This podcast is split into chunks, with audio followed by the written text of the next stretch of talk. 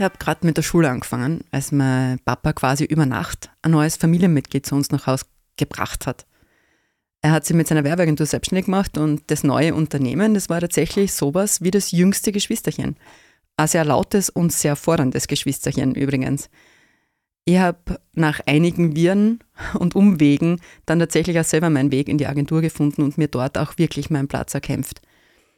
Bis ich schließlich die Geschäftsführung übernommen habe. Sozusagen von der Tochter vom Chef zur Juniorchefin und jetzt, und das sage ich voller Stolz, bin ich die Nachfolgerin.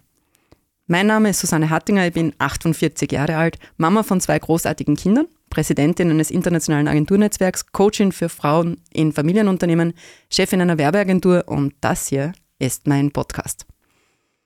Ich war gerade einmal acht Jahre alt, als mein Papa sich mehr oder weniger übers Wochenende selbstständig gemacht hat. Die Werbeagentur hat äh, damals wie ein neues Familienmitglied bei uns zu Hause Einzug gehalten und ist ab dort eigentlich mit am Tisch gesessen. Meine beiden Geschwister und ich haben sozusagen von Beginn an miterlebt, was es heißt, wirklich ein Unternehmen aufzubauen, also so von Null anzufangen. Mein Papa hat schnell die ersten Mitarbeiterinnen gehabt und die haben nach und nach mehr Raum bei uns im Haus in Beschlag genommen. Also wirklich sich vom Schlafzimmer über die Garderobe vorgearbeitet. Und bald war er der erste große Kopierer zu Hause und der ist tatsächlich auf dem Gang zwischen Kinderzimmer und Badezimmer gestanden da ist in den Ferien dann gleich mal passiert, dass man schon allen Mitarbeiterinnen Guten Morgen gesagt hat, am Weg zum Bad und das im Pyjama. Ein paar Jahre später war es dann soweit und die Agentur war sozusagen gefestigt genug, dass der nächste Schritt angestanden ist. Mein Papa hat die Möglichkeit gekriegt, das Nachbargrundstück zu kaufen und hat tatsächlich für die Agentur sozusagen als erstes von uns Kindern ein neues Gebäude gebaut, ein neues Haus gebaut, ein eigenes Haus gebaut.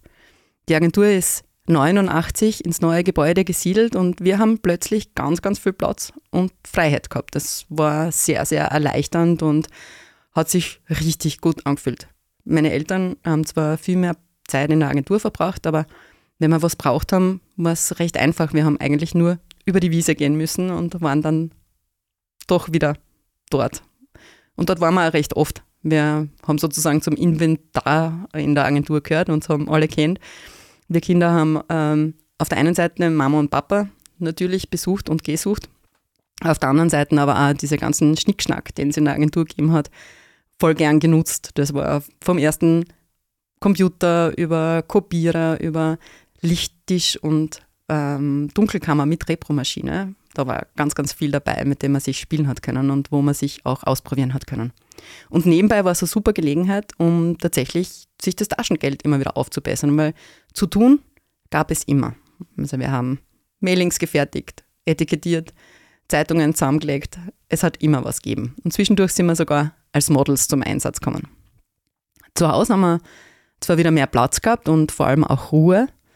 Es hat sich trotzdem immer so angefühlt, als wenn die Agentur auch weiterhin da wäre, sozusagen mit am Tisch gesessen ist.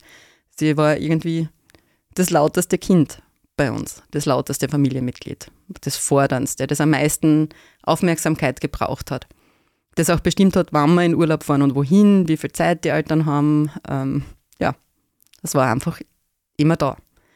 Es hat ja jedes Gespräch eigentlich drum gedreht oder ganz, ganz viele Gespräche um die Agentur gedreht. Und die Agentur war auch verantwortlich für viel Freude bei uns, aber auch für viel, viel Sorge.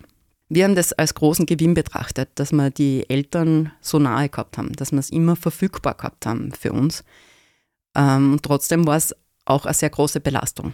Und ich glaube, meine Eltern haben das auch genauso empfunden. Also für Mama und Papa war es wahrscheinlich ähnlich. Ja? Das ist schöne Gefühl, da sein zu können und ähm, sozusagen sich das richten zu können zwischen Familie und Beruf. Auf der anderen Seite aber eben auch diese Belastung, dass man immer verfügbar ist und immer bereit sein muss. Bei uns hat es jedenfalls dazu geführt, dass wir alle drei Kinder, also ich und meine zwei Geschwister, relativ schnell das Weite gesucht haben. Ich bin die Älteste, bin als Erste weg und zwar zum Studieren nach Graz. Jetzt nicht in die große weite Welt, aber immerhin in meine erste WG mit einer Freundin. Und da habe ich was erleben dürfen, was ich tatsächlich von zu Hause nicht kannte, nämlich einfach mal nichts tun. tagsüber so vor dem Fernseher liegen. Das hat es bei uns zu Hause gar nicht gegeben, außer wenn man krank war. Aber sonst hat es eigentlich immer was zum Tun gegeben. Entweder haben wir eh für die Schule gelernt oder wir haben trainiert oder geübt, von Flöte über Ballett und Orientierungslauf. Oder wir haben ihm geholfen, ähm, im Haushalt, im Garten oder in der Firma. Also meine Eltern haben das extrem so vorgelebt. Es hat keinen Moment gegeben, wo die nicht was getan haben, wo die einfach nichts getan hätten. Außer mal im Urlaub vielleicht. War aber nicht so schlimm, das nichts tun, das habe ich recht flott gelernt. Also das ist ganz einfach gegangen. Habe ich mir sozusagen auf der Uni als erstes angeeignet. Ich habe übrigens Sprachen studiert mit Fächerbündel Europa und Wirtschaft. Das Fächerbündel habe ich gleich mal sein lassen, das war ein bisschen zu komplex. Aber die Sprachen, die haben mir schon sehr gut getan und auch gut gepasst. Ich habe damals schon regelmäßig meinen Papa mitbegleiten dürfen auf seine Auslandsreisen. Der war regelmäßig auf Konferenzen und äh, Meetings und ich habe ihn immer wieder mitbegleitet und den Platz sozusagen meiner Mama langsam eingenommen und war dann 1996 auch bei der Gründung der EAPC dabei. Das ist die Europäische Vereinigung der politischen Berater. Mein Papa war sozusagen dort von Beginn an mit. Es soll schon eine internationale Vereinigung geben. Ich habe ihn begleitet und bin dort mit lauter weißen alten Männern am Tisch gesessen, als recht junges Dirndl und habe ähm, automatisch mehr oder weniger, weil es praktisch war, gleich mal die Funktion der Executive Secretary eingenommen. Die erste Executive Secretary der EAPC. Klingt jetzt größer als es ist. Das war halt einfach meine Aufgabe, die Konferenzen zu organisieren. Ich habe die Ausschreibungen vorbereitet, die Protokolle gemacht, ich habe mich um die Mitglieder gekümmert. Also alles, was in so einem Verein halt zum Tun ist. Und irgendwie bin ich dann einmal über diese Ausbildung zur Fremdenführerin gestolpert. Ich glaube, ich kann mich sogar erinnern, dass meine Mama das ähm, in einer Zeitschrift gefunden hat, die sozusagen das Inserat zur Ausbildung und gesagt du, das wäre doch was. Und tatsächlich habe ich mir auch gedacht, ja, das wäre wirklich was. Wir haben damals gerade eine Konferenz in Wien organisiert gehabt und wenn dann so die amerikanischen Gäste kommen und dir mehr über deine Heimat erzählen, als du jemals gewusst hast, dann ist das schon ein bisschen ein komisches Gefühl. Und ich habe mir gedacht, ja, das könnte doch passen, das ist doch was für mich. Die Ausbildung, die war richtig intensiv, super interessant, sehr, sehr, ja, ich würde fast sagen, overwhelming, aber nichts gegen die Prüfung danach. Ich habe gleich drei Versuche gebraucht, bevor ich endlich bestanden habe und dann auch tatsächlich als Fremdenführerin in Graz und in der Südsteiermark hauptsächlich gearbeitet habe. Mein Studium, das ist bei den ganzen Aktivitäten irgendwie immer mehr in den Hintergrund geraten und dann, dann kam der Alkohol. Das klingt jetzt heftig, aber es ist nicht ganz so arg, wie du vielleicht denkst. Mein Vater hat 97 den Jägermeister-Etat für Österreich gewonnen. Das Kernstück der Kampagne war die Pistenjägertour. Das heißt, Jägermeister sozusagen in den Après-Ski-Gebieten wieder hip, wieder modern zu machen. Eine Après-Ski-Promotion-Tour durch Österreichs größte Skigebiete. Die Mitarbeiterin, die mein Vater dafür vorgesehen hat und die auch die ersten Einsätze gemacht hat, die hat recht schnell Bescheid gegeben, dass das auf lang, lange Sicht nicht ihres ist. Ja. Also so mehr oder weniger, entweder du findest da jemand anderen oder ich gehe. Naja, und da bin ich ins Spiel gekommen. Ich habe ja eh alles andere gemacht und im Organisieren war ich gut, also habe ich übernommen und habe die nächsten sieben Jahre mit ganz viel Einsatz Jägermeister in Österreich wieder zu Ruhm und Ehre verholfen ein ehrhaftes Unternehmen. Danach noch zwei Jahre für Ramazzotti und Malibu und dann war wieder Schluss mit dem Alkohol. Neben der Promotion-Tätigkeit habe ich aber irgendwie immer mehr Aufgaben in der Agentur übernommen. Ich habe äh, im Büro geholfen, ich habe Organisationstätigkeiten gemacht, ich habe äh, neue Programme installiert, also sozusagen dieses EDV-Bad ein bisschen übernommen. Und schließlich habe ich ganz selbstverständlich dort weitergearbeitet. Ein bisschen zugutekommen ist mir, dass man während der Promotion, sozusagen als Promotion Managerin, äh, im Tun alles unterkommen ist, was ich dann später für die Werbeagentur braucht habe. Ich habe unglaublich viel gelernt im Tun. Marketing, Kommunikation, Verkauf, Aufbau und Umgang mit Teams, Kalkulation, Dokumentation und vor allem Organisation und Improvisation.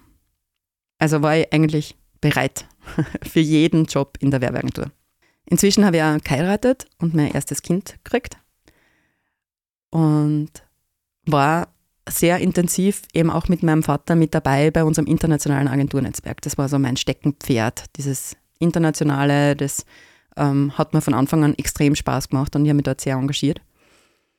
Und 2007 ist dann der damalige Präsident von Dialogue International, der Graham Rust, ähm, an mich herangetreten und hat mir vorgeschlagen, seine Nachfolgerin im Agenturnetzwerk zu werden und damit die erste weibliche Präsidentin.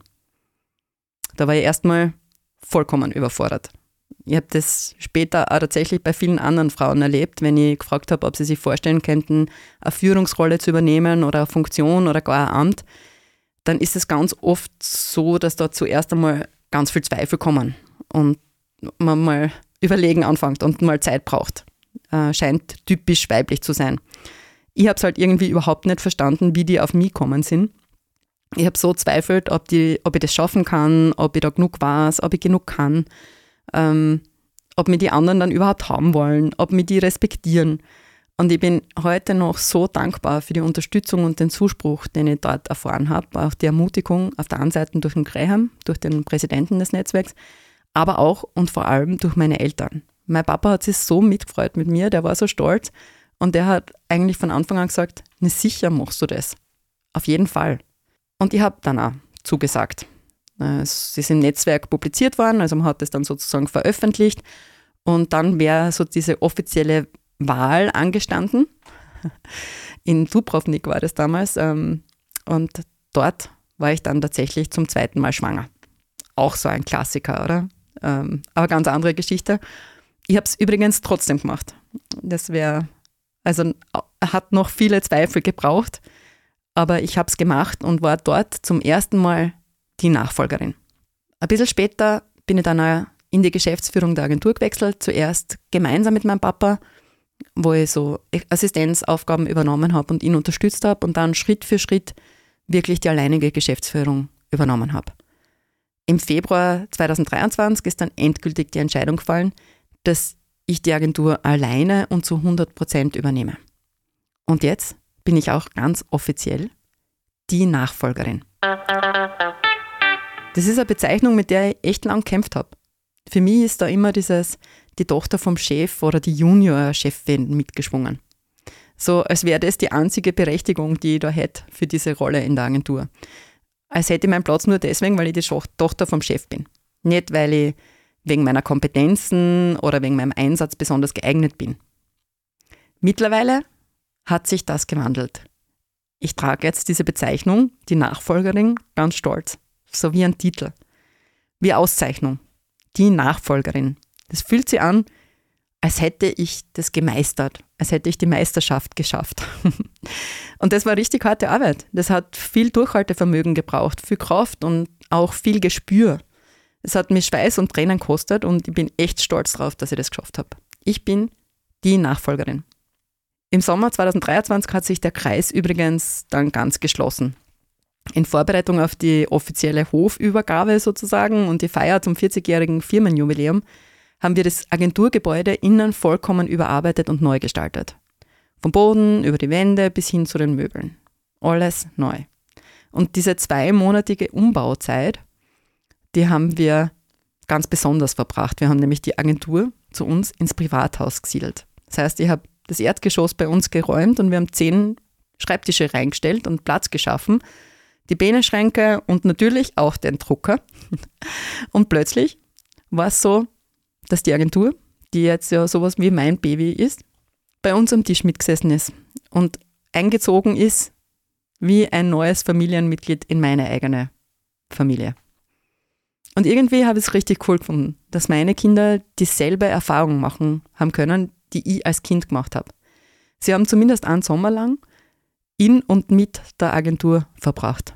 Sie sind in der Früh von den Mitarbeiterinnen begrüßt worden, haben laute Diskussionen und Lachen und ja, auch mehr miterlebt, sind auch davon das eine oder andere Mal im Sommer geweckt worden, haben die verschiedenen Räumlichkeiten genutzt und waren, sind einfach mit dabei gesessen und haben sie auch mit uns zum Essen auf die Terrasse gesetzt. Das war schon was sehr Besonderes.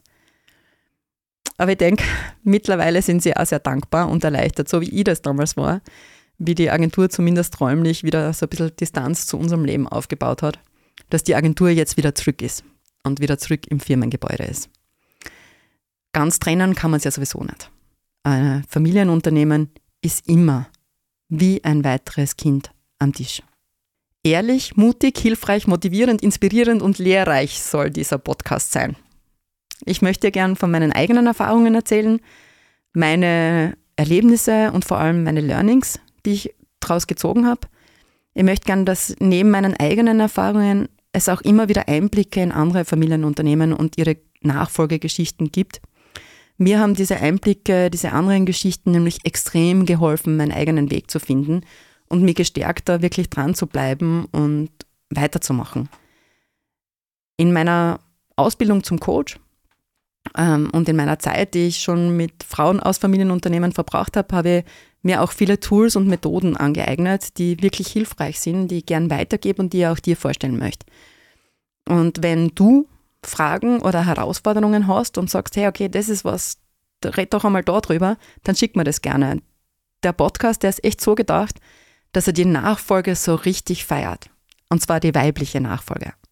Ich möchte dich motivieren, inspirieren und unterstützen. Glaub mir, es ist jede Anstrengung wert. Das kann ich da echt aus vollem Herzen sagen. Die Familienunternehmen sind das Rückgrat der Wirtschaft. Das sagt man nicht so, sondern es ist auch so. Wir Familienunternehmer, wir schaffen wertvolle und sinnvolle Arbeitsplätze. Wir gestalten vielfach unser direktes Umfeld mit. Und wir sind eigentlich die, die Nachhaltigkeit seit vielen, vielen Jahren, schon bevor es zum Trend geworden ist, geprägt haben. Es ist schade um jedes einzelne Unternehmen, das nicht weitergeführt wird und nicht weiterentwickelt wird. Und dazu braucht es Menschen, die mutig sind und die sich das, dieser Aufgabe sozusagen erstellen.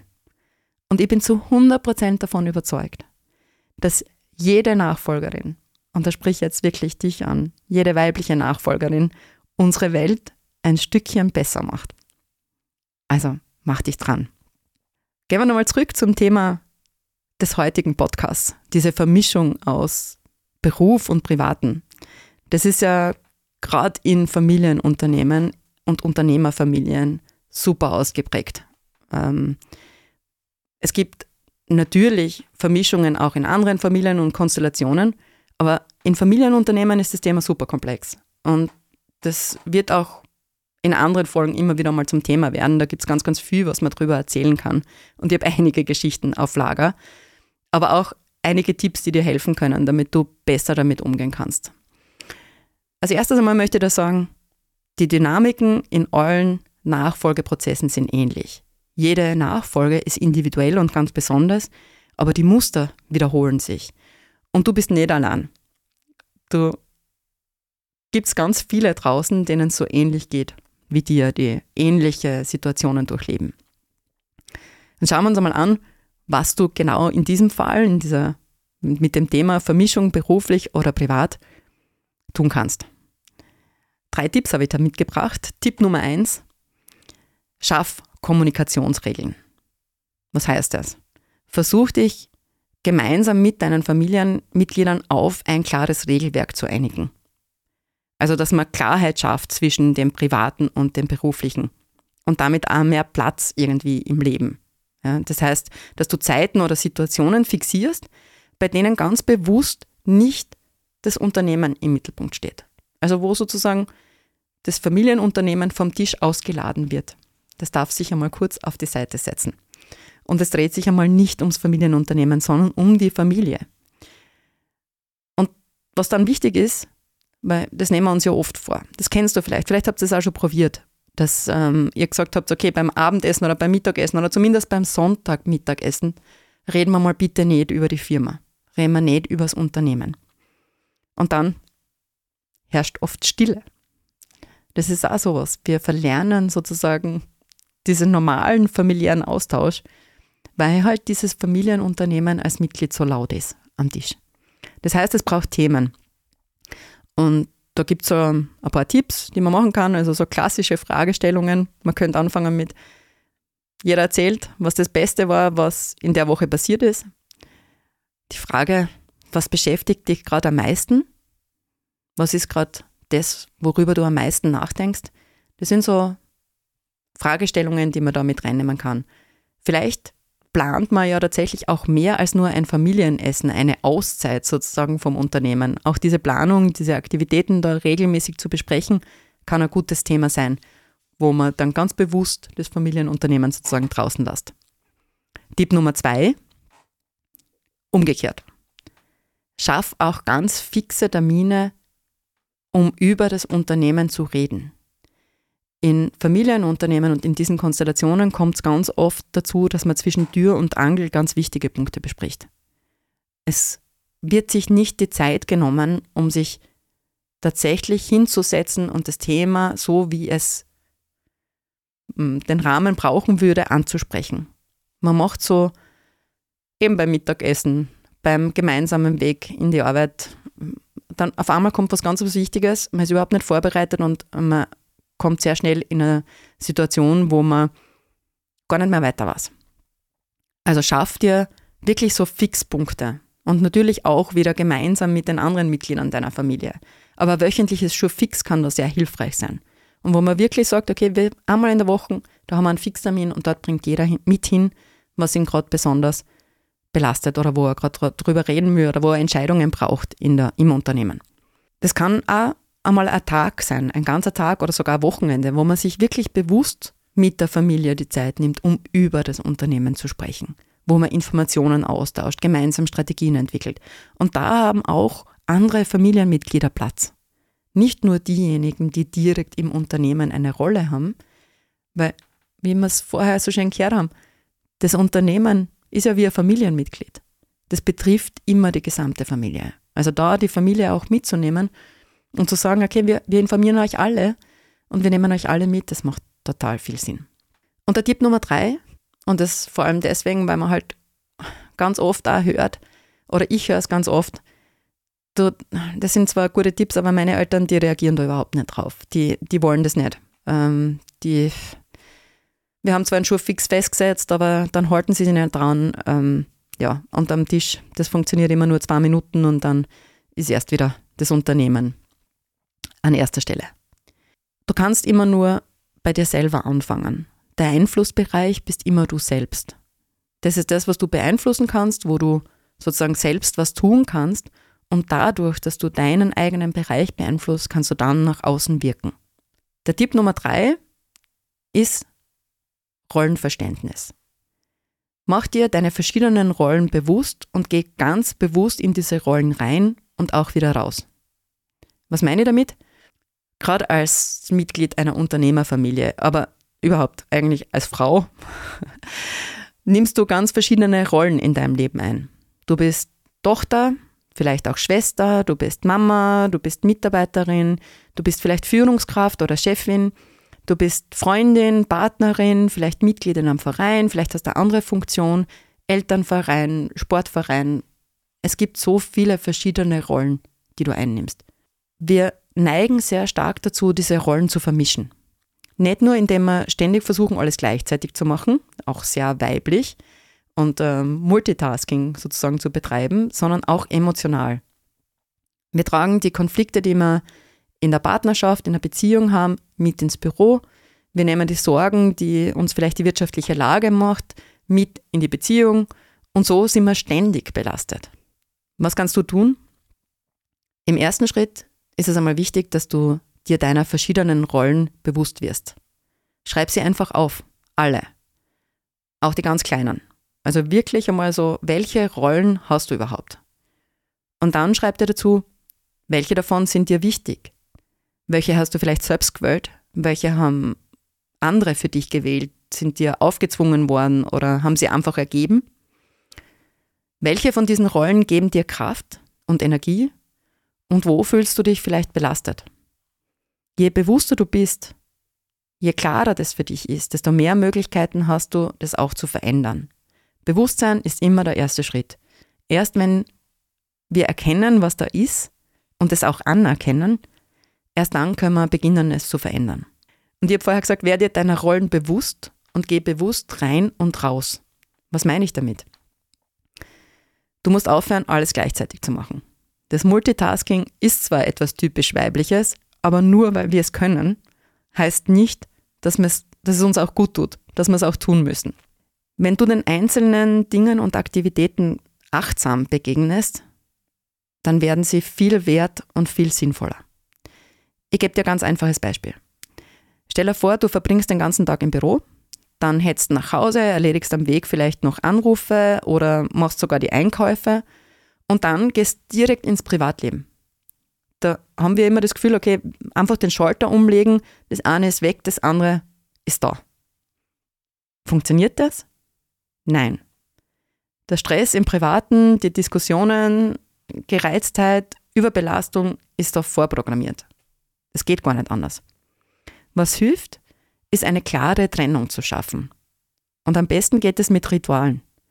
Das heißt, im Auto zum Beispiel bewusst nicht mehr zu telefonieren, sondern dass du die Lieblingsmusik einergibst und dass du dich einstellst auf zu Hause, dass du bewusst aus dem einen raus und in das andere reingehst. Zu Hause nicht gleich weitermachen, nicht gleich, also nicht dieses Gefühl, Schalter umlegen und ich bin jetzt da, sondern geh ganz bewusst ins Badezimmer, vielleicht dusch die oder wasch dir zumindest die Hände. Schaff eine klare Trennung. Nicht nur im Vorbeigehen, sondern ganz, ganz liebevoll, achtsam und bewusst. Bei mir ist die Agentur nach zwei Monaten wirklich absoluter Nähe, also Dauer Homeoffice, Ende August wieder zurück ins Firmengebäude gewechselt. Der Weg ins Büro ist jetzt ziemlich kurz. Also ich muss eigentlich nur über die Straße gehen. Das sind nicht einmal 50 Meter.